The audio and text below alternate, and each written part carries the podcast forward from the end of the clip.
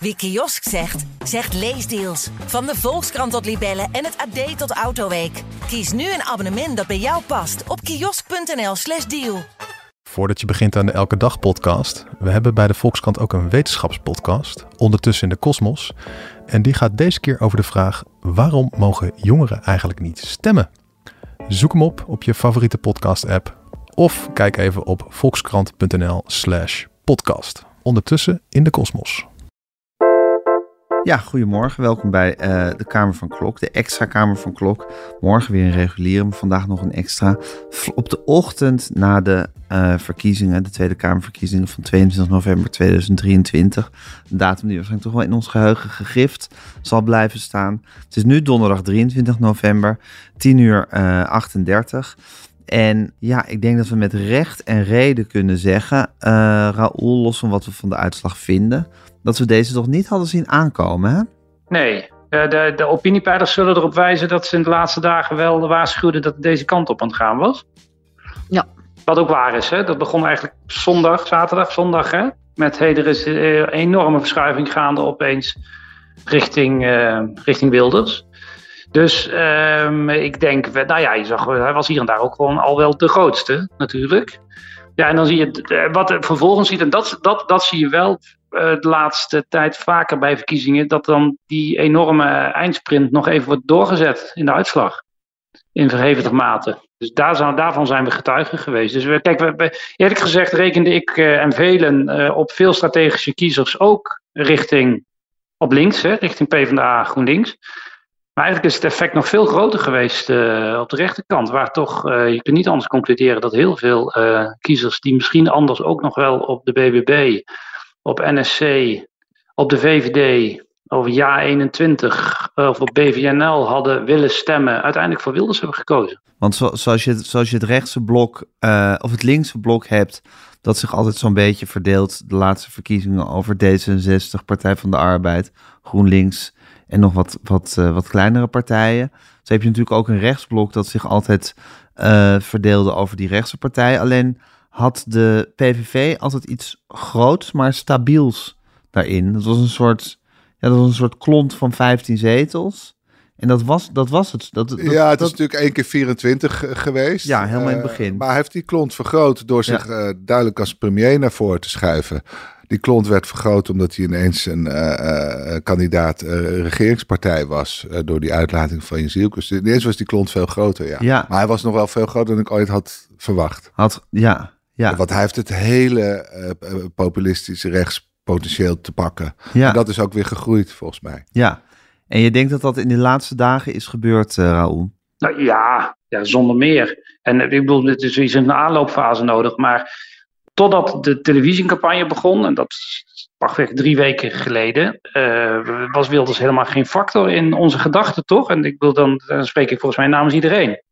We hadden het ja. echt over heel andere dingen, met z'n allen. En dat is eigenlijk sinds zijn eerste uh, televisieoptreden. Ik denk dat dat het eerste RTL-debat was. Begon het langzaam, begon hij op te kruipen en dat, dat is echt in de stroomversnelling geraakt. Dus um, je kunt niet anders vaststellen dan dat hij een formidabele campagne heeft gevoerd. En dat zijn directe concurrenten, nou, over, over Caroline van der Plas hebben we het al heel vaak gehad. Die heeft natuurlijk geen goede campagne gevoerd. En ook Pieter Omtzigt is denk ik toch op beslissend moment erg twijfelachtig geweest. Uh, waardoor, uh, en dan hebben we het nog niet over de VVD gehad, dat moeten we misschien even uitgebreid doen zo. Um, uh, ook die campagne kan je natuurlijk best wat op aanmerken. En um, Wilders heeft geen fouten gemaakt, is consequent de nieuwe Wilders blijven uitstralen. Hij, het, het, het, hij lijkt natuurlijk net een andere man opeens. Hè? Charmant, bereidwillig, open. Ja, het, ik bedoel, het verschil tussen de oude en de, de, de nieuwe Wilders is, is zo groot dat ja, ik ben er ook nog niet heel aan gewend. Ik denk af en toe nog steeds van, hè? Als je Wilders, ook gisteravond nog, want hij zet het consequent door, um, uh, de, ook na de, na de uitslag. Hij slikt eigenlijk ter plekke de helft van zijn verkiezingsprogramma in. Dus je denkt, nou, uh, die wil wel echt graag, hè? En tegelijkertijd, hij gaf een korte overwinningstoespraak. Hè, in, in dat café waar de pers uh, in een soort uh, hok bij elkaar was gedreven en, en, en met niemand mocht spreken. En ik heb daar een paar dingen uit genoteerd. Uh, de Nederlander zet ik weer op één. De mensen gaan hun land terugkrijgen. Nederland is weer voor de Nederlanders en we gaan de asieltsunami beperken. Dat is een uil van Minerva-achtige toespraak, zonder alle, alle, alle boreale gelul, zoals Henk Otter ooit noemde. En dat wordt dan opgepikt als het is een mildere Wilders. Nee, nee, nee, nou ja, want ik heb het ook gehoord en ook opgetikt. En toen, daarna ging hij de pers te woord staan. En toen zei hij, en natuurlijk wil ik premier van alle Nederlanders zijn, ongeacht je afkomst of je geloof, zullen we binnen alle kaders van de grondwet blijven. Ik snap ook heus wel dat partijen niet met mij willen regeren als de grondwet niet wordt uh, gerespecteerd. We moeten samenwerken en ik ben zeker bereid tot concessies. Dat was het tweede deel van het Wilders optreden gisteravond. Dus, maar ik ben met je eens dat dat op twee gedachten hinkte. Nou ja, uh, nogal ja. ja. Ja, nee zeker. Dan zou je kunnen zeggen dat als hij, als hij zijn eigen achterban toespreekt, dat hij gewoon de oude Wilders is.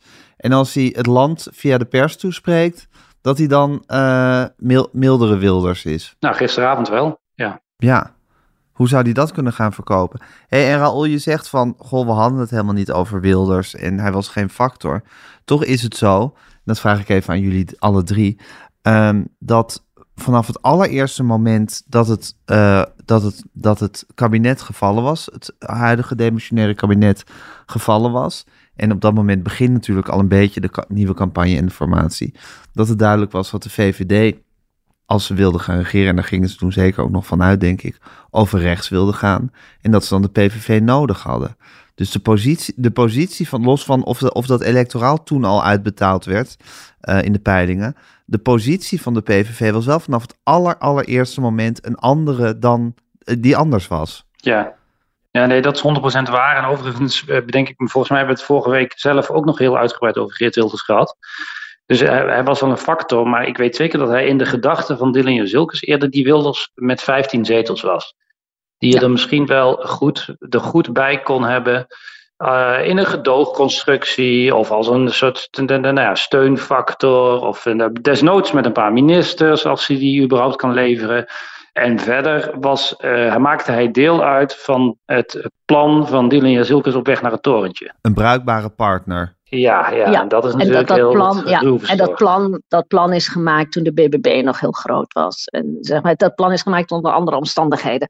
Toen ja. de VVD dacht, nou, we kunnen het laten klappen. En dan hebben we uh, de BBB, want die zagen ook... Kijk, dat, dat rechtse blok, dat, dat, dat is, dat is uh, die, die klont van Wilders, die 15 uh, zetels.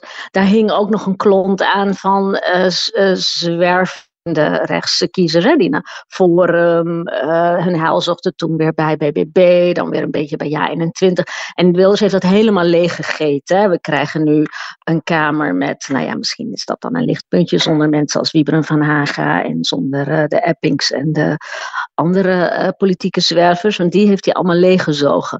Maar het is, het is dat, dat aantal kiezers was er altijd al. Het was alleen uh, zwervend. En dat is nu allemaal geland bij Wilders, allemaal bij die ene Wilders. En anders hadden we waarschijnlijk een uitslag gehad met ook 37 zetels voor extreem rechts, uh, maar dan verdeeld over een beetje, beetje ja 21 en een beetje uh, Forum en een beetje BBB en een beetje NSC, wat ook aantrekkingskracht uitoefende op die kiezers. Maar die, die, dat aantal uh, is gewoon heel groot. Maar links is al heel lang heel klein. Uh, omdat het verhaal van links een verhaal is van we moeten, uh, mogen niet meer vliegen. En we moeten consumeren. En dat, dat is gewoon een verhaal wat steeds meer mensen uh, wegdrijft. En dat is ook over de hele wereld zo bijna, hè, Shaila? Dat is niet iets Nederlands. Zeker, ja. Het, is, het, het komt hè, individualisme. Mensen gaan niet meer naar. naar hè, mensen geloven niet meer in collectiviteit. Ze gaan niet meer naar de kerk. Ze geloven in zichzelf. En, en ze denken: ja, maar wat doe je dan voor mij? Oh, ik mag niet meer barbecuen. Nou, dan ga ik maar op Caroline stemmen. Het is een, het is een groter verhaal uh, waar, waar nou ja, verkeerde antwoorden op worden gegeven. Ja, en nu is het zo, uh, en ik kijk ook even naar jou, Pieter, omdat we hier met z'n tweetjes nu in deze kamer zitten, dat we dat meteen natuurlijk constateerden, dat de VVD naar de PVV lonkte en dat, dat, dat, het, dat het duidelijk was dat zij dus Ik heb het PVV... zelf altijd gezien als een dreigement naar het midden. Hè? Dus het grote midden waar, nou ja, waar Caroline van der Plas met een beetje fantasie ook nog toe kunt rekenen, maar ook omzicht om te zeggen, jongens, iedereen moet op, naar rechts schuiven op het gebied van migratie, want anders ga ik desnoods met Wilders in zee.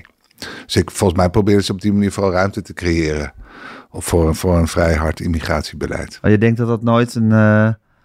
Ik denk niet dat zij heeft gedacht dat ze met Wilders in een kabinet moest gaan zitten. Nee? Ik denk eerder met Caroline van der Plas en Omtzigt. Maar dat ze daar dan een meerderheid mee zou hebben met, die, met dat gezelschap. Ja, nou, in ieder geval het meer, het meer, ja, ja, goed, ik weet het niet. Maar de, het PVV is natuurlijk niet een hele voor de hand liggende regeringspartij. Nee. Ja, daar zitten nog steeds. Ze hebben al eerder geconsulteerd. Ze hebben geen ministers, ze hebben geen leden. Ze hebben nee, maar ik voelde het. Ik voelde het. Uh, ja, goed, ik voelde, ik voelde. Wat maakt allemaal. Ja, dacht maar, dat, dat ze echt graag nou, met dacht, Wilders wilden dacht van, ja, volgens mij was de, was, was de weerzin om weer een, een middenkabinet te gaan vormen. waar D66 en of Partij van de Arbeid GroenLinks deel van uit, uit zou maken. Zo groot bij de VVD, VVD. En ze hadden misschien toen inmiddels toch de arrogantie van de macht. dat ze dachten: wij, wij worden de grootste en bepalen uiteindelijk met wie we mm -hmm. een kabinet gaan vormen dat ze dachten van ja, dan geef je die VVD twee of drie, uh, die drie ministers. De PVV. De, de ja. PVV, dan geef je de PVV twee of drie ministers. Dat vindt onze nou, achterban misschien ook leuk. Weet ik niet. En, ja, waar, maar ze heeft in de rest van de campagne heeft ze natuurlijk ook weer af en toe afstand genomen van de PVV. Dus het was niet in ieder geval een diep gevoelde overtuiging eh, nee. of liefde. Maar wat, wat, wat ik mij wat ook ik mij niet gerealiseerd heb, ik ben ook geen campagnestratege, maar wat we hier in de Kamer eigenlijk ook nooit, in onze Kamer ook nooit zo hebben benoemd, is inderdaad hoe electoraal ongelooflijk gunstig dat voor Geert Wilders zou, uh, zou uitpakken. Ja. Dat om, om hem weer, om hem uh, regeringswaardig of salonveeg, zo je wil noemen. Nou ja, en, en dat is de, denk ik de belangrijkste beweging. Het populisme is mainstream geworden ja. bij deze verkiezingen definitief, denk ik ja. en vrees ik. Ja. Want uh, niet alleen is voor het eerst geen traditionele regeringspartij de grootste geworden. Is voor het ja. eerst uh, niet een van de partijen die ooit in de regering heeft gezeten. Maar als je alle partijen bij elkaar optelt die ooit geregeerd hebben... en dan tellen we PvdA GroenLinks voor het gemak mee... terwijl GroenLinks heeft ook nooit geregeerd... dan kom je net boven de 60 zetels uit. Ja. Dus, dus uh, je ziet dat het, uh, het, het, het anti-narratief tegen de bestuurders daar in Den Haag, tegen die zakkenvullers ja. in Den Haag, tegen die uh, bestuurders die niet begrijpen wat de burgers willen, die ja. de burgers niet beschermen, dat, dat, dat, is dominant geworden. Dat zit natuurlijk ook bij omzicht nog steeds. Uh, en dat is denk ik de, de grote beweging. En ik denk dat dat ook een blijvende beweging is. En, en dan kan ook een, een, een populistische partij ineens de allergrootste worden. En misschien gaat het daar de komende jaren om welke populistische partij wordt de grootste. Ja. En andere partijen komen daar niet meer goed tussen. Ja, maar zou dit nou iets zijn geweest wat sowieso was gebeurd? Of is toch het feit dat, dat ze die, die ruimte hebben gekregen van... waarbij eigenlijk zo'n traditionele partij zegt van... nou ja, ik, we willen wel met jullie... Ja, ja goed, nou ja, NRC had dat natuurlijk ook al op zich. Anders ik denk misschien... dat in alle gevallen was een, anti, een anti-partij de grootste geworden. Ja. Want daar snakte Nederland blijkbaar naar. Dat ja, is ook te begrijpen. Dat, had ook, dat hebben we dat ook had eerder ook NRC gezien. kunnen zijn. Als een premier er heel lang heeft gezeten. Toen Kok er lang zat. Daarna kwam Fortuyn. Uh, ja, zelfs toen Lubbers er heel lang zat. Toen, daarna kwam D66. Dat was toen nog een anti-establishment Ja. Dus je ziet altijd na een lang bewind van een bepaalde premier of partij... dat er daarna iets, iets uit- tot uitbarsting komt. Ja, Eh, eh, ja, en, en, en dit, in dit geval is het een populistische uitbarsting die ook meteen doorstoten naar de allergrootste. En wat, wat, mij, wat ik toch het meest opvallend ook vond, is dat het opwaarts groeipotentieel van PvdA GroenLinks zo klein is gebleken. Ik had echt verwacht, hè, met de ervaringen van Diederik Samson in 2012.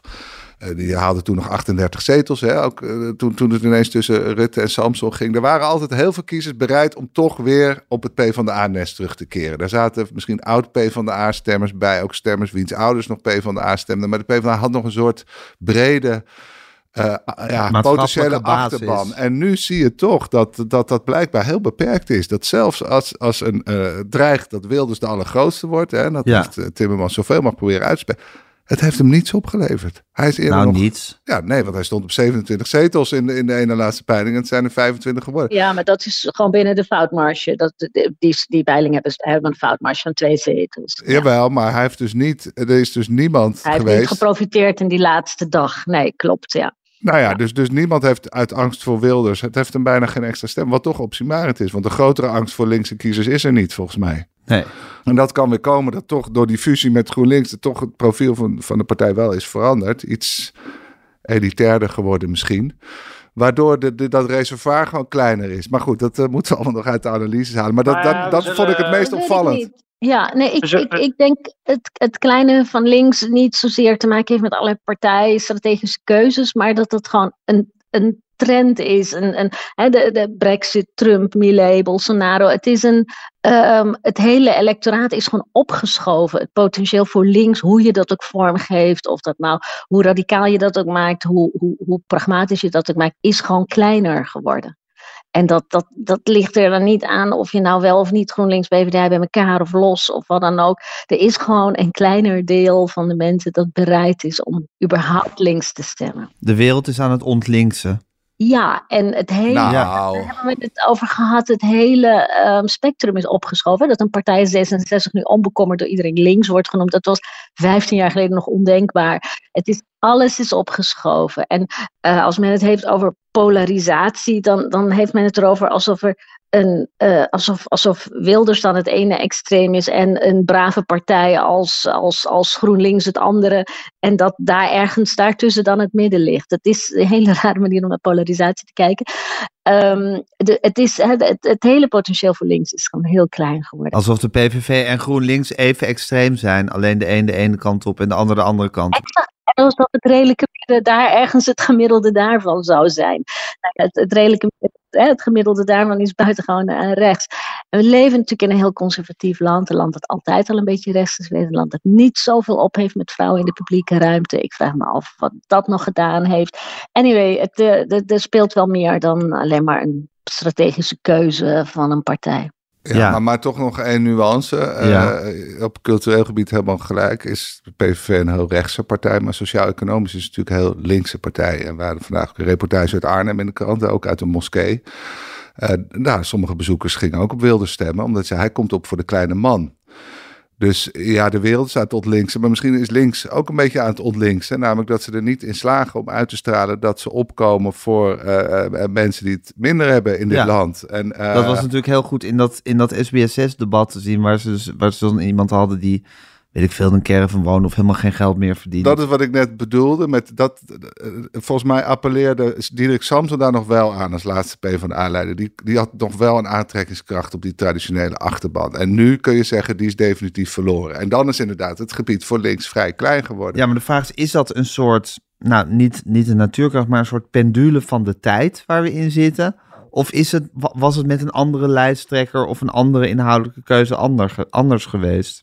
Nee, ik denk, ik denk dat het de pendule van de tijd is. Ja, precies. Dan zijn jij en Shaila het eens. Hoe, hoe, hoe zie jij dat, Raoul? Ja, ik moet altijd denken aan eh, 2002. Toen eh, de PvdA van Ad Melkert, eh, ik geloof 20 zetels verloor. En een half jaar later waren er weer verkiezingen. En toen was Ad Melkert ingeruild voor Wouter Bos. En toen waren die 20 zetels weer terug. Dus eh, leiderschap eh, kan. Een, en, en het verkiezingsprogramma was niet wezenlijk veranderd in de tussentijd. Dus eh, ja, leiderschap kan een heel grote eh, eh, invloed hebben op de aantrekkingskracht van een partij. Zonder meer.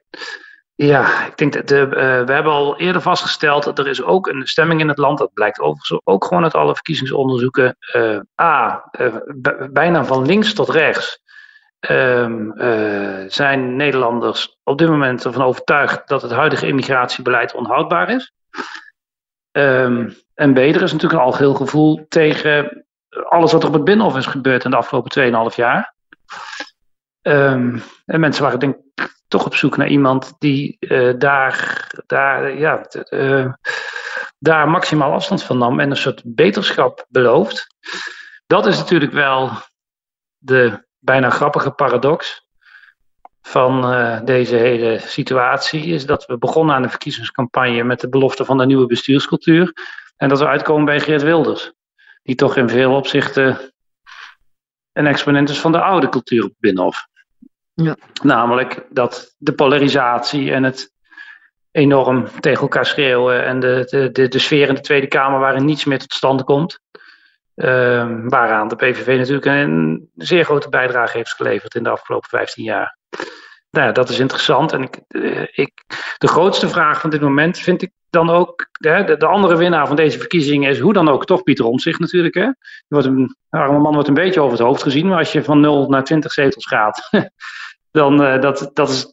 Uh, normaal gesproken zouden we het daarover hebben natuurlijk nu. Maar hoe Pieter Omzicht en Geert Wilders zich tot elkaar gaan verhouden, vind ik nu heel erg interessant. Want uh, Pieter Omzicht is gekozen met een, met een programma helemaal vol met rechtsstatelijkheid, grondrechten, burgers die weer hun overheid moeten leren te vertrouwen. De overheid die ze betere wetten moet gaan maken, die zich in de Tweede Kamer niet moet verliezen in de waan van de dag, maar in uitgebreide wetgevingsdebatten en zo. Het is echt allemaal linea recta tegenovergesteld van alles wat de PVV doet op het Binnenhof. En dat, uh, ja, hoe, hoe dat nou op een of andere manier samen moet gaan komen. Gewoon uh, qua stijl en, en ook de karakters van Pieter Omzicht en Geert Wilders en hoe zij politiek willen bedrijven, vind ik um, uh, nog heel fascinerend. Ja, en niet alleen Omtzigt, maar Omtzigt heeft een lijst met daarop mensen als Sandra Palme, de, de, de ambtenaar die, de toesla, die dat toeslagenmemo heeft geschreven. Er zit een oud rechter op. Dat zijn uh, mensen die, denk ik, um, ook nog wel even uh, enige inspraak willen hebben als er onderhandeld gaat worden met Geert Wilders. En die denk ik, uh, tamelijk fundamentele bezwaren zullen hebben. Hij heeft heel zorgvuldig samengesteld les. Ja, er staan CDA's op, die kun je overal voor inzetten. Maar er staan ook mensen op die juist uh, um, uit de praktijk komen met tamelijk principiële opvattingen. Ik, ik ja. ben benieuwd uh, wat, hoe die discussie gaat. Het zou heel Kijk, fijn een, zijn om daar eens een cameraatje op te kunnen zetten. Een, een, een deel van de toeslagenaffaire ging natuurlijk over etnische profilering door de Belastingdienst. Exact. Hoe komt het dat uh, sommige mensen uh, harder zijn aangepakt dan anderen? Uh, dat heeft op een gegeven moment het demissionaire kabinet ook dan officieel moeten toegeven dat dat gebeurd was. En toen zijn er ook allemaal marsorders richting Belastingdienst gegaan. jongens, hou eens op, dit maar nooit weer. En ik kan me nog even herinneren dat Geert Wilders daartegen protesteerde. Exact. want je moest het beestje wel bij de naam noemen. En als de ene groep meer fraudeerde dan de andere, dan moesten we daar wel achteraan. Um, nou, dat, dat, ik bedoel, dat zijn, voor Pieter Omtzigt moeten dat bijna onoverbrugbare tegenstellingen zijn. Die echt alleen, denk ik, op de een of andere manier toch nog tot een soort compromis kunnen leiden. Als Geert Wilders in de stemming blijft waarin hij nu al drie weken verkeert. Namelijk dat het hem allemaal niet meer zoveel kan schelen wat hij zelf vindt. Dat hij gewoon uh, minister-president wil worden. Ja, het is ook een soort barbapapa is geworden. Ja, ja. ja, geef hem een torentje en hij vindt het allemaal prima. En we gaan nooit meer etnisch profileren onder, onder premier Wilders. Nou, dat, dat, dat is dan wel weer mooie winst, toch? Ja, zeker. Dan haal je de anger er wel meteen een beetje uit. Uh, ik moet zeggen, dat, misschien kunnen we het er mor morgen nog uitgebreid over hebben. Wat, wat al die programma's precies gaan inhouden. En waar we naartoe kachelen met z'n allen. Maar uh, Pieter Omzicht, zoals je hem gisteren zag op tv. Uh, hij had natuurlijk ook een hele mooie overwinning gehaald. Mm -hmm. Maar hij, ja, hij leek verlicht. Ik bedoel, alsof, ja, alsof er een last van zijn schouders was Maar afgevallen. dat heeft hij vanaf het begin af aan gezegd. Dit is voor hem de ideale uitslag. Hij, hij, is, hij, wilde, hij wilde geen premier worden. Hij wilde ook niet de leiding in de formatie. Hij wil gewoon doen wat hij altijd al doet. Gewoon een fractie in de Kamer leiden. Dat en kan tabellen, hij nu allemaal tab doen. Tabellen en een, een, fractie die ook nog enigszins overzichtelijk is. Met een man of twintig. Dan kan hij gewoon rustig verder bouwen. Ik had wel het dat hij echt blij was. Ja, het was precies het, ongeveer precies het juiste, uh, het, het, gewenste aantal. 20 ja. zetels. Ja, maar hij was ook zo ongelooflijk beschikbaar voor, voor het bestuur. Het, ja, dat, dat, het bestuur dat, dat vond ik wel niet, opvallend. Hij leek op geen enkele manier een beetje gekweld of getormenteerd van, oh god, hoe gaan we, hoe ga, hoe ga ik me nou tot deze partij verhouden? Maar meer van, nou, uh, ze kunnen morgen bellen en ik heb eigenlijk Ik begreep daar niets van eigenlijk. Want nee, volgens vond... mij begon hij de campagne door Wilders min of meer uit te sluiten. En toen zette hij de een beetje deurtjes open en als dan redeneringen. Ja. Maar het leek alsof die deur, dan ging die deur toch even later weer dicht. En nu werd hij gewoon vol opengezet. Ja, en ook stralend. Ja, er, en er werd ook niks over die overwinning van de PVV gezegd. Dat dat misschien toch ook wel zorgen baart. Dat een groot deel ja. van Nederland uh, ja. op nee, een we zijn beschikbaar. Mensen en, uitsluit. Uh, we gaan nu dingen veranderen en dit en dat. Vond jij dat niet ook opmerkelijk, Shaila? Ja, maar dat kan toch haast niet? De, de, er zijn uh, mensen die op NSC hebben uh, gestemd omdat hij Wilders uh, zo duidelijk uitsloot. En ik, volgens mij um, gaat dit hem heel erg in de staart bijten. Als hij hier al te, al te, te, te makkelijk over doet. Ik kan, ik kan het me haast niet voorstellen. We hebben hier in de podcast toch wel eens, is toch wel eens het getal van 70% van zijn achterband voor, voorbij gekomen. Die het een goed idee zou vinden als hij met, uh, met Wilders Zijn toenmalige achterban, hè? maar dat was toen hij nog op, uh, volgens mij op 30 zetels stond. En die, en die, die zijn weer voor een deel naar Wilders Die zijn voor een groot deel, de, de, eerste mensen die hem hebben verlaten, zijn naar Wilders gegaan. Dus ja. het kan zijn dat inmiddels het percentage heel anders is. Ja, maar goed, het kan allemaal nog heel anders uitpakken de komende dagen. Maar hij straalde gisteren niks anders uit dan goede zin om dit kabinet te gaan uh, mee te doen aan de formatie van dit kabinet. Maar goed, hij zit, nu, ja, maar hij zit nu met zijn nieuwe fractie en er zitten mensen in die Shaila net al noemde. Ja, maar dan zullen dit toch wel... Maar was je, vond jij het opmerkelijk, Shaila, zijn, zijn tone of voice die hij had, of helemaal niet? Ja. Ja, hè? ja, ik vond dat heel opmerkelijk. Ik dacht, dan heb je, uh, laat je, je laat nu wel heel veel deuren openstaan en twijfels bestaan.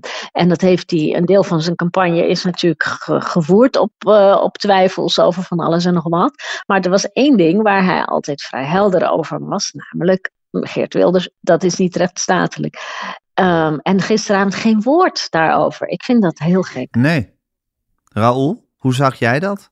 Ik uh, zag het, terwijl ik uh, nog zat stukken zat te tikken voor de krant. En ik dacht, die had zijn, uh, die had zijn reactie ingestudeerd aan het begin van de avond voordat hij de uitslag kende. Dat dacht ik. Je denkt dat het een lesje was wat hij opzei? Nou ja, ook daar speelt weer mee dat een PVV met 37 zetels gewoon iets heel anders is dan een PVV van 20 zetels. Nee. Om mee samen te werken, ook, ook in de krachtsverhoudingen. Dus uh, als, stel, stel nou dat dat kabinet er komt, dan, hebben we, dan, dan wordt het het kabinet Wilders. Ja, dan is er geen enkele twijfel meer over de rol die de PVV daarin heeft. Dan zijn ze daarin gewoon de dominante factor. Met het uithangbord in binnen- en buitenland. Dat perspectief, ook voor de VVD overigens, is gewoon heel erg gekanteld. Nu, opeens. Ja, je zal overigens zien, want de NSC-fractie komt uh, donderdagmiddag om half vijf geloof ik bijeen om zich te beraden op de situatie. Ik denk dat die teksten wel komen hoor, uh, straks. Over die rechtsstatelijkheid en uh, ja. de vragen die daarbij zijn. Misschien, misschien, dat hij het in de euforie gewoon even vergeten is gisteravond. Ja, precies. Hij was gisteren gewoon geprogrammeerd om zijn vro vrolijke uh, mooie, mooie winstspeech uh, te houden en we gaan dingen veranderen enzovoorts. Yeah. En nu, nu, kom, nu, nu komen de punten en de comma's en de mits en de maren. Tenminste, zou je, zou je, zou je verwachten. Nou, het kan bijna niet anders. En uh, voorspel jij, Raoul, nou dat vragen jullie alle drie, maar voorspellen we een moeizame formatie? Ik denk dat er bijna een, een, een soort truc nodig is van hoe ga je formeren en wat voor kabinet moet dat dan worden kan het echt op hoofdlijnen zonder dat we het over alles eens hoeven te worden. Weet je, dat soort formules moet het in uh, uh, gezocht worden, denk ik. Uh, want als je het op de ouderwetse manier gaat doen, van we zoeken naar een stabiele meerderheid die het probeert eens te worden over een regeerakkoord van meer dan 100 pagina's, dan wordt het denk ik echt een helle tocht. Want er is natuurlijk een, een overduidelijke meerderheid die zich aftekent met vier rechtse partijen. Dus de PVV, de NSC, de VVD en de BBB. Uh, bedoel dat, dat... De BBB heb je niet eens nodig, toch? Nee, niet nodig, maar eerst, Eerste, Eerste Kamer, Kamer gewijs ja, natuurlijk, ja. is natuurlijk wel handig. En ja, die geef je de minister van Landbouw en Visserij, moet dat dan weer ja. worden. En dan, ja, dan zijn ze ook tevreden. Dus, uh, maar goed, die, die overduidelijke meerderheid tekent, tekent zich af. Ik bedoel, dat logischer kan bijna niet. Maar is dat, inha is dat inhoudelijk gezien een helle tocht om die op één lijn te krijgen? Ja, ja, ik wil, kijk, natuurlijk, iedereen heeft het over immigratie, omdat het zo'n belangrijk onderwerp was in de campagne. En dat zal wel lukken. Ze gaan veel bonje trappen in Brussel en met de buurlanden, uh, omdat we niet meer willen dat ze de asielzoekers deze kant op uh, laten doorlopen. Uh, dat, dat, dat kun je uittekenen. Maar, um, en dat het dan misschien wat rustiger aangaat met het stikstofbeleid, met de boeren en het klimaat. Um, ook. Maar sociaal-economisch bijvoorbeeld de, uh, iemand zei het net al, is de PVV gewoon een linkse partij. Een extreem linkse partij hier en daar. Die echt heel weinig raakvlak heeft met het VVD-programma. echt, en dan, dan hebben we het over echt wel grote thema's als de gezondheidszorg, de sociale zekerheid.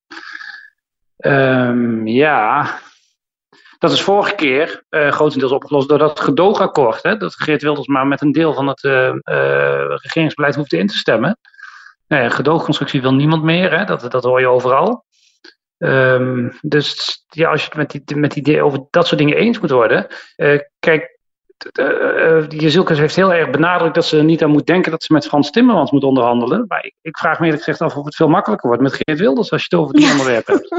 Ja, Timmermans, Timmermans maakt de economie kapot. Nee. Ja.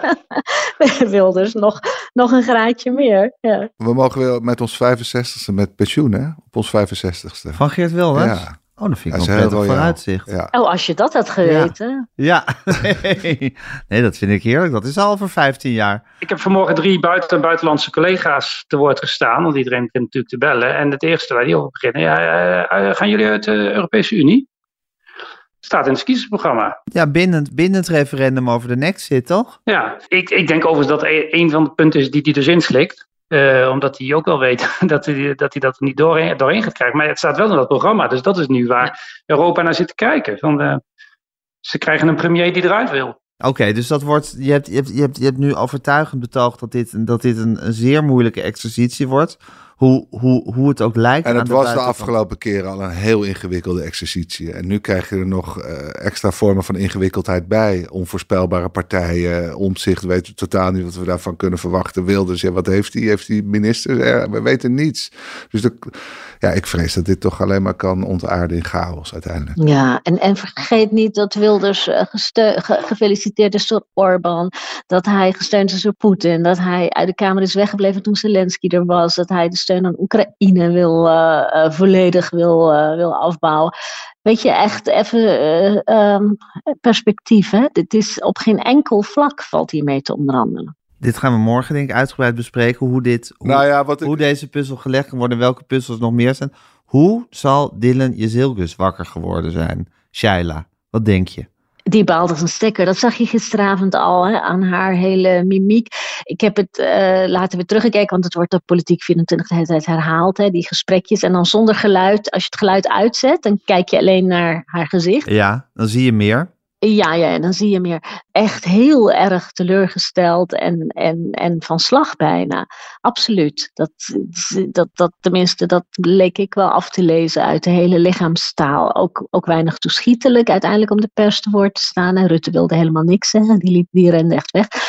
Het, uh, ik, ik denk dat daar nog heel diep geëvalueerd gaat worden bij de VVD. Dus ergens de verkeerde afslag genomen en, en waar die gaan ze nog eventjes, daar gaan ze nog even met elkaar diep over praten. Het is natuurlijk ook moeilijk, omdat ze eigenlijk de hele campagne lang nou niet bejubeld is, maar zijn er complimentjes uitgedeeld over wat voor goede, stabiele campagnes voerden. Jawel, Pieter, je kijkt niet heel zo, maar dat is wel zo hoor. Ja, we, stabiel. stabiel. Stabiel. Ze is een reïncarnatie van Rutte. Uh, een probleemloze leiderschapswissel. Ja, dat, is al, dat, dat was allemaal misschien niet de laatste dagen. Ja, maar mensen dat zijn praten elkaar na. Kijk, het was toch, ik, ik, ik, vond ontlu ik vond het vaak ook ontluisterend in de optreden. Hè. Dus ook in het laatste... Ontluisterend leeg. Nou, het, laatste debat, dat, het laatste debat, het omzicht even drie leugentjes uh, heel snel opzomde in, in één zin, zo'n ja. beetje. En, en dat de hele tijd herhalen van dezelfde woorden, dat vind ik ook een zwakte.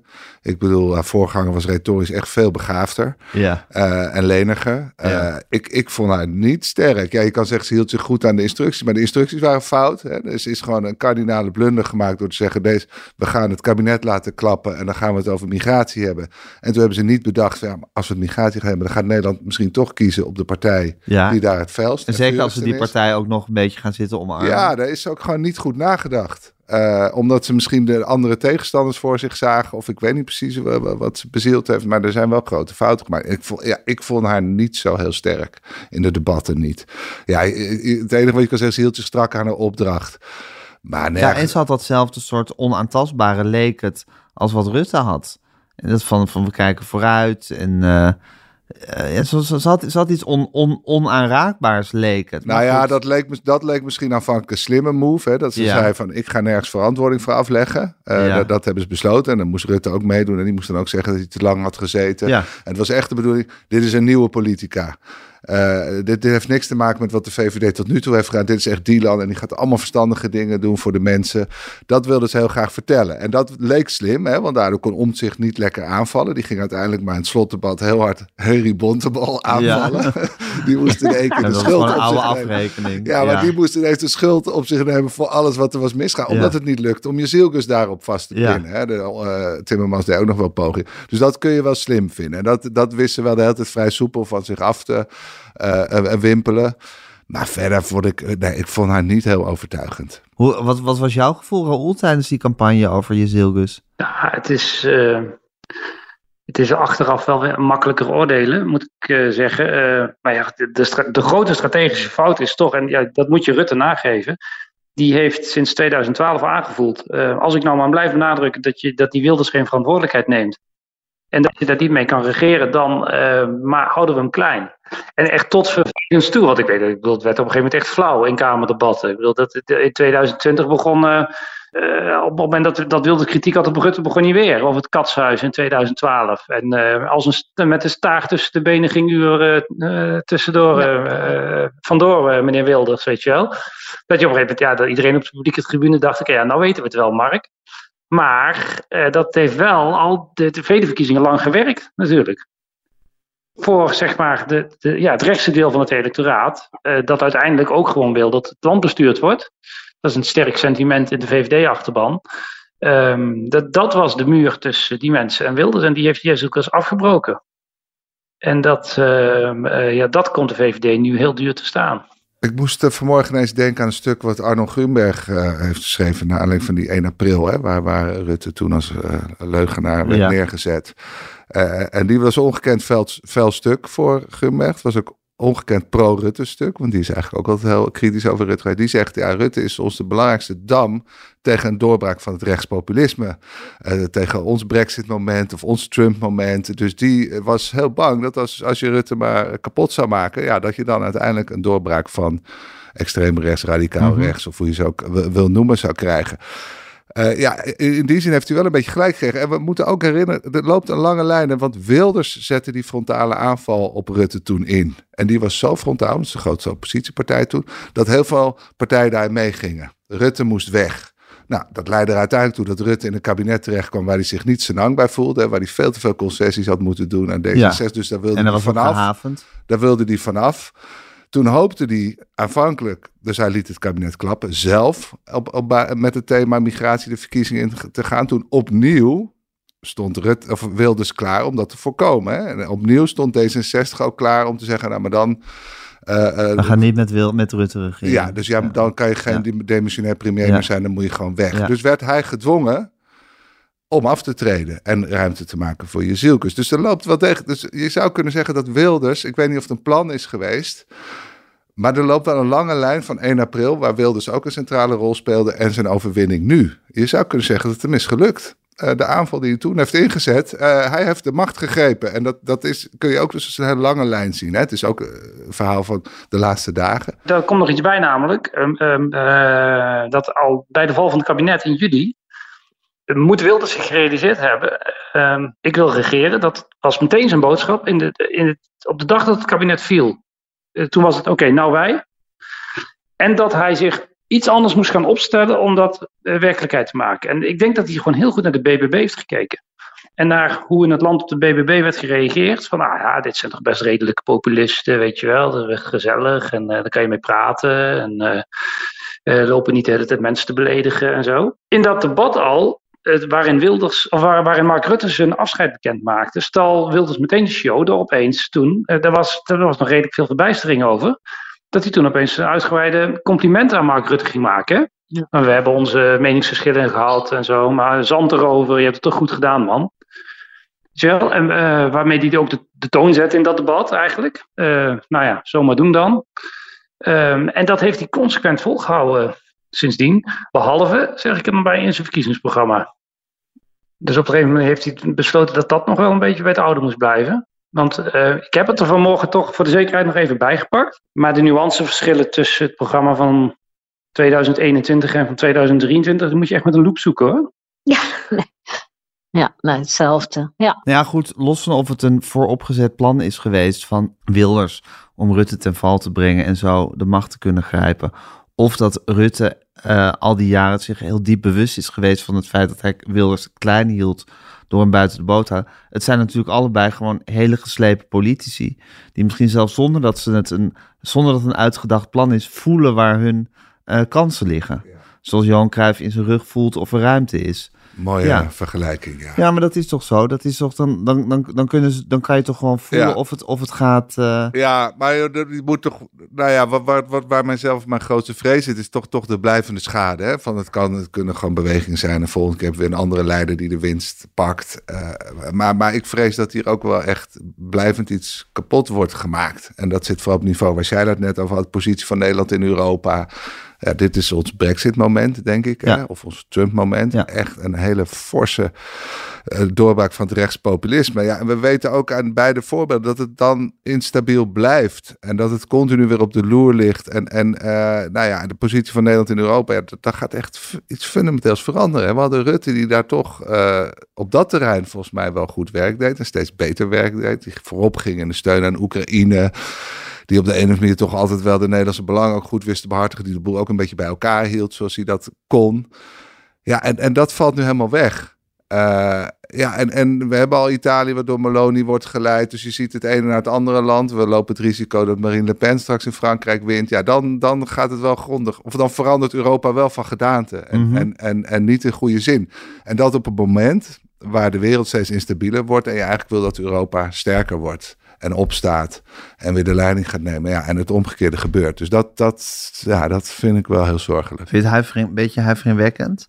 Ja, dat meteen nou, wel ja, ik dacht vanmorgen, ik riep gisteren op de, de, de redactie, zien we het verval van het continent. Uh, um, hè, wat, wat, je, wat in alle landen uh, zich anders uit. Een continent wat zich heel erg op zichzelf terugtrekt, hè, om de welvaart die we hebben te beschermen en vooral niks meer te delen. Want dat idee is helemaal weg, hè, dat je denkt van, we hebben enorm veel geluk dat we in Nederland zijn geboren.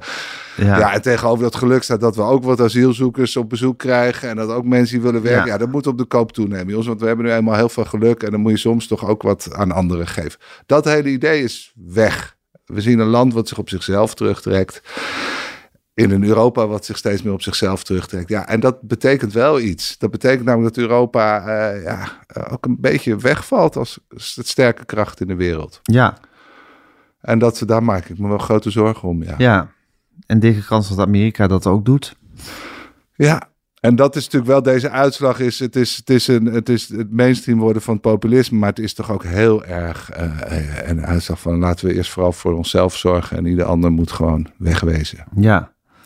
Het is toch ook sociale dat er vrij mm, neutraal, zo bij de NOS. En misschien is dat ook gewoon hun taak, verslag wordt gedaan van, uh, van zo'n overwinning van de PVV. En er wordt gefeliciteerd en het wordt allemaal opgezomd. Ik bedoel, de het is ook wel mainstream geworden. Ja, het, het, viel me al op de hele campagne. Meneer Wilders hè, als een normale politicus werd behandeld de hele tijd al. En dat, uh, dus, dat het woord extreem rechts is gisteravond gewoon niet gevallen op de publieke televisie. En ik heb nog naar het scherm staan roepen, oh, jullie worden toch wegbezuinigd. Noem het nou maar gewoon. Maar er is, het is natuurlijk ook wel een afspraak van... Uh, Nee, we, weet je, we, we houden het volledig neutraal. En ik weet niet hoe lang je dat nog kan volhouden. Je, ja, je kan wel, wel blijven uh, zeggen van nou, eh, meneer Poetin is ook gewoon een democratisch verkozen leider. Op een gegeven moment houdt zoiets op. Dan moet er kleur, dan moet er kleur bekend worden. Wilders is toch enorm voorstander van benoemen? Dit is ook benoemen. Nee, maar kijk, ik, ik vind dat er ook uh, bij de publieke omroep een beperkte definitie van democratie op na wordt gehouden. Daar hebben we het vorige keer ook over gehad. Je kunt zeggen van ja, democratie, daar moet gewoon de wil van het volk tot uitdrukking worden gebracht. Of je zegt nee, democratie is meer dan dat, is ook een, een, een verzameling waarden die we ja. hebben als samenleving. Ja. En dingen die je niet doet en, en, en, gewoon harde grenzen. Ook dit doe je wel, dit, dit doe je niet, dit past binnen de rechtsstaat, dit niet. En, en, ik vind dat, dat alle interpretaties gaan heel erg uit van het eerste model. Ja, ja, nou ja, dus wat de bevolking wil. En uh, ja, de campagne is een kwestie van tactiek. En, en, uh, en, en, en die morele componenten, die, die, uh, ja, die kwam er gisteren ook weer een beetje bekijkt vanaf. Ja, dat is natuurlijk een soort, soort angst die er ook in is geslopen na Nou ja, elke journalist is bang om voor links versleten te worden. Uh, daar heb ik zelf ook last van. Je hebt altijd enige reserves om iets aardigs te zeggen over links. Omdat je altijd bang bent, denk je, dat je van wordt beschuldigd dat je uh, toch links bent. Dus dat zie je ook altijd. En dan krijg je dus dat eigenlijk media van de weerom staat naar, naar, rechts gaan leunen. En heel veel begrip gaan tonen voor rechts. Dat is ook natuurlijk een jarenlange uh, campagne geweest van Wilders. Door de hele tijd over het Noord-Koreaanse staatsjournaal te ja, praten. Nou, dan gaat dat Noord-Koreaanse staatsjournaal gaat dan heel hard proberen te laten zien dat ze dat niet zijn. Ja. ja en, dan, uh, en dan krijg je toch ook een soort asymmetrie. Ja. ja, maar wat er hier ook al meespeelt is dat Wilders gewoon een heel ander uh, gezicht heeft laten zien de afgelopen drie weken. Daar blijf ik toch bij. En ik wil niemand weten of dat houdbaar is en of hij dat meent en of dat, wat dat gaat doen nu. Maar het is wel een feit. Dus ik, ik vind op dit moment, als, is het, is het ja, programmatisch is duidelijk. Maar wat hij uiteindelijk met dat programma gaat doen, ik bedoel, hij heeft het al vaker gewoon de prullenbak gegooid hoor. In uh, Rutte 1 bleef er ook niet zoveel van over. Totdat hij het zat was en de stekker eruit trok. Dus Wilders, we, we, we, hij zal zo lang bij ons, in ons collectieve bewustzijn, dat er natuurlijk ook heel veel op hem geprojecteerd is. Ja, hij heeft zich kennelijk zelf voorgenomen dat hij het nu anders wil gaan doen. Ja, ik constateer alleen maar. Hè? Ja, maar goed, Raoul, je zegt net zelf dat zijn, dat zijn verkiezingsprogramma eigenlijk niet veranderd Zeker. is. Het enige nee. zult hij niet meer mensen voor knettergek staat uit te schelden en... Uh, en, maar hij heeft uh, geen partij. Hij, kijk, het grote nadeel of voordeel is hij heeft geen partij. Nee. Dus hij kan alles doen wat hij wil. Ja. Dus als hij het nog als een stunt ziet, hè, een beetje de Boris Johnson-achtige benadering van, hij lijkt me gewoon een stunt om een keer in dat torentje te belanden, zoals Raoul al schetste, dan gaat hij op de vloer liggen lachen dat het hem is gelukt, samen met ja. Martin Bosma. Als dat zijn motivatie is, ja, en, en er is niemand die hem tegenhoudt, want nee. hij is die partij. Nee, dus hij, kan alle hij krijgt geen congres over zich Hij heen. kan alle kanten op. Hij hoeft niet tobberig te doen. Hij zegt van, ja jongens, ik moest even over mijn schaduw heen springen. Dat kan nu helemaal niet anders. We hebben hier een hard migratiebeleid. En verder heb ik op alle terreinen alles toegegeven. En we zijn voor het heel rechtsstatelijk. En we ja. zeggen nooit meer iets naars over moslims. Dat moeten we nou eenmaal even doen. Ja, dat kan.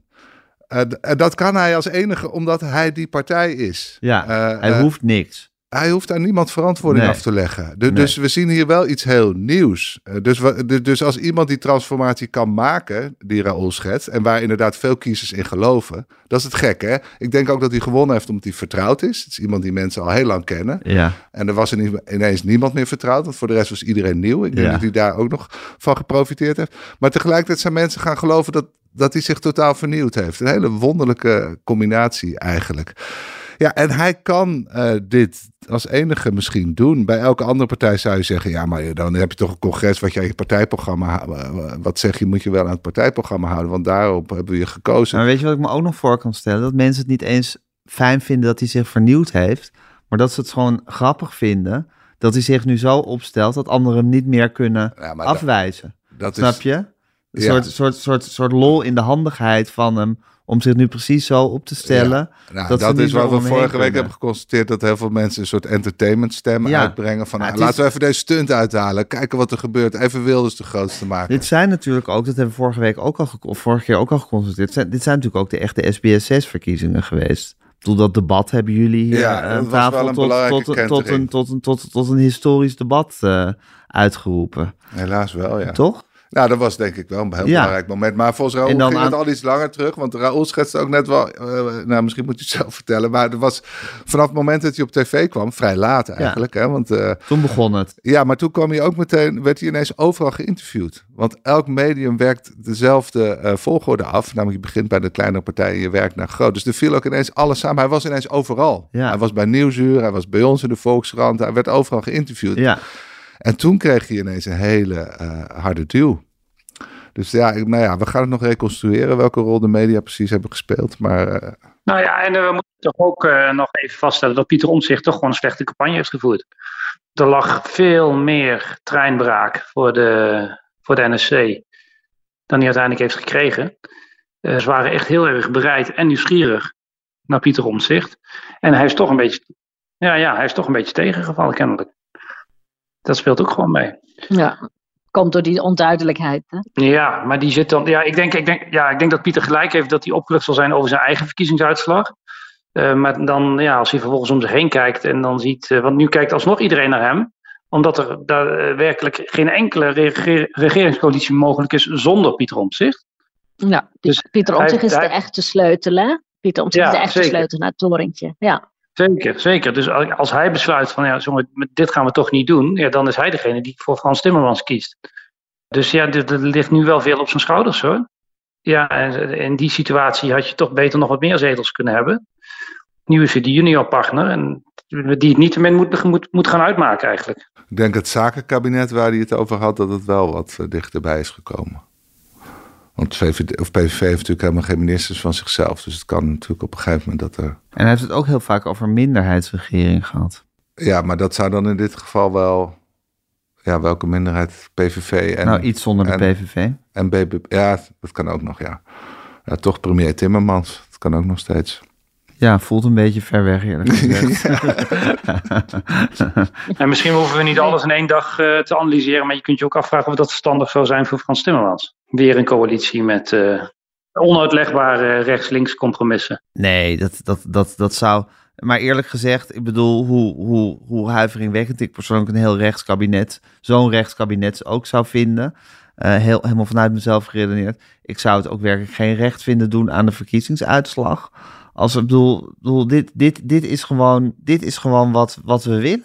Ja, maar kijk, dat, dat, dat ben ik met je eens. Maar dat is weer toch een beperkte interpretatie van democratie. Ja, Als jij zegt van ik wil strijden voor mijn waarden, wat Timmermans natuurlijk gisteren deed in die speech. Hè, die zegt ik ga de, de, ja. de, de, vrij emotioneel Dat zijn verhaal. objectieve waarden. En niet... Ik ga de rechtsstaat redden. En dan, dan, dan fuck it. Uh, dan tel, tellen geen opportunistische overwegingen. Dan is gewoon elk kabinet waar Wilders niet in zit, is winst. Want dan kan je wel doorgaan met het stikstofbeleid. Je kan doorgaan met het klimaatbeleid. Je kan, je kan de, de, de rechtsstaat overeind houden. Je kan alles weer proberen te verbeteren.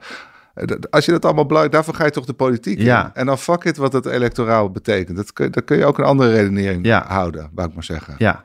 En het is nog steeds, ja, het zijn er heel veel, maar het is een kwart van het electoraat. En drie kwart van het electoraat ja. nog steeds niet op Wilders gestemd. Niet op Wilders heeft gestemd. Um, we gaan, ik denk dat we morgen heel lang het formatiespel gaan spelen.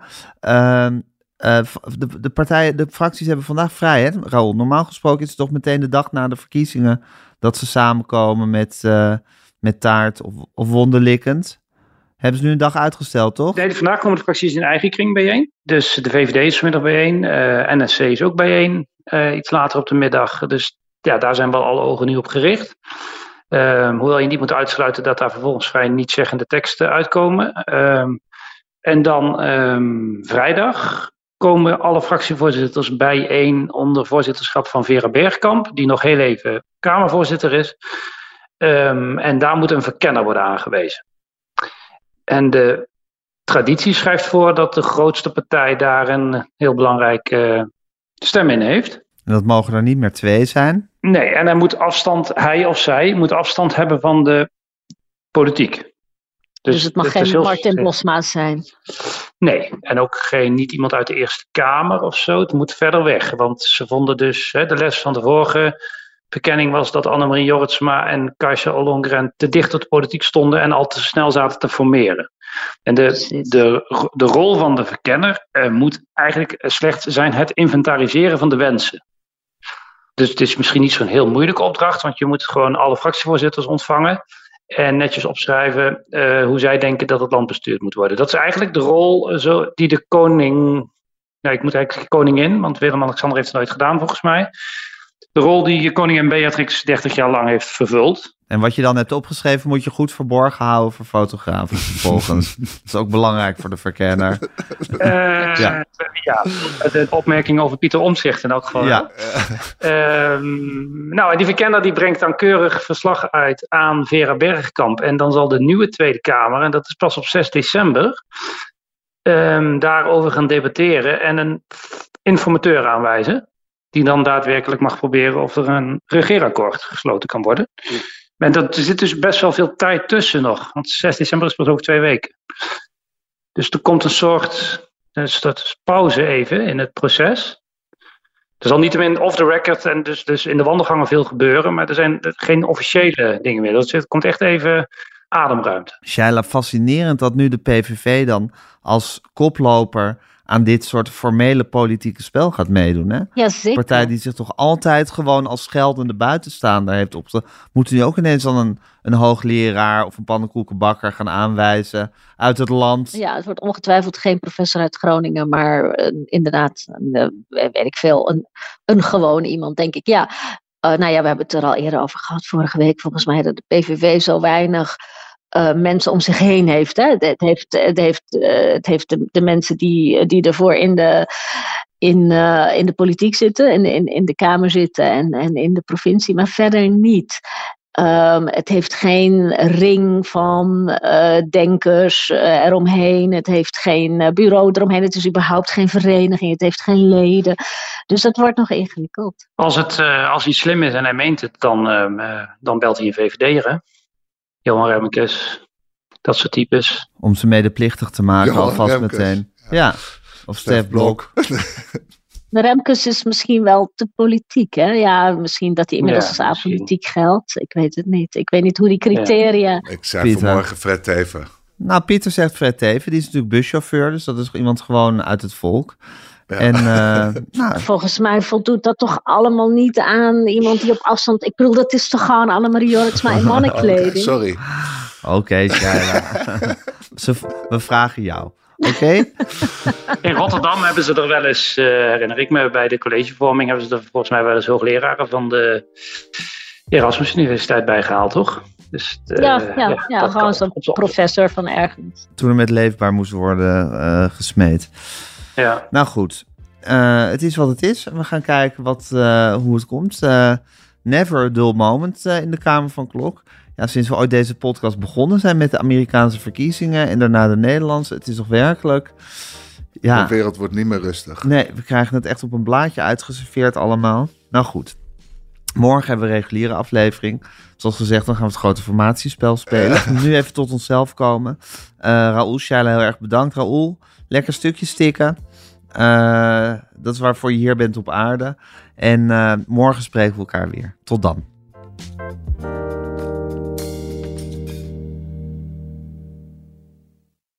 Wie kiosk zegt, zegt leesdeals. Van de Volkskrant tot Libellen en het AD tot Autoweek. Kies nu een abonnement dat bij jou past op kiosk.nl/slash deal.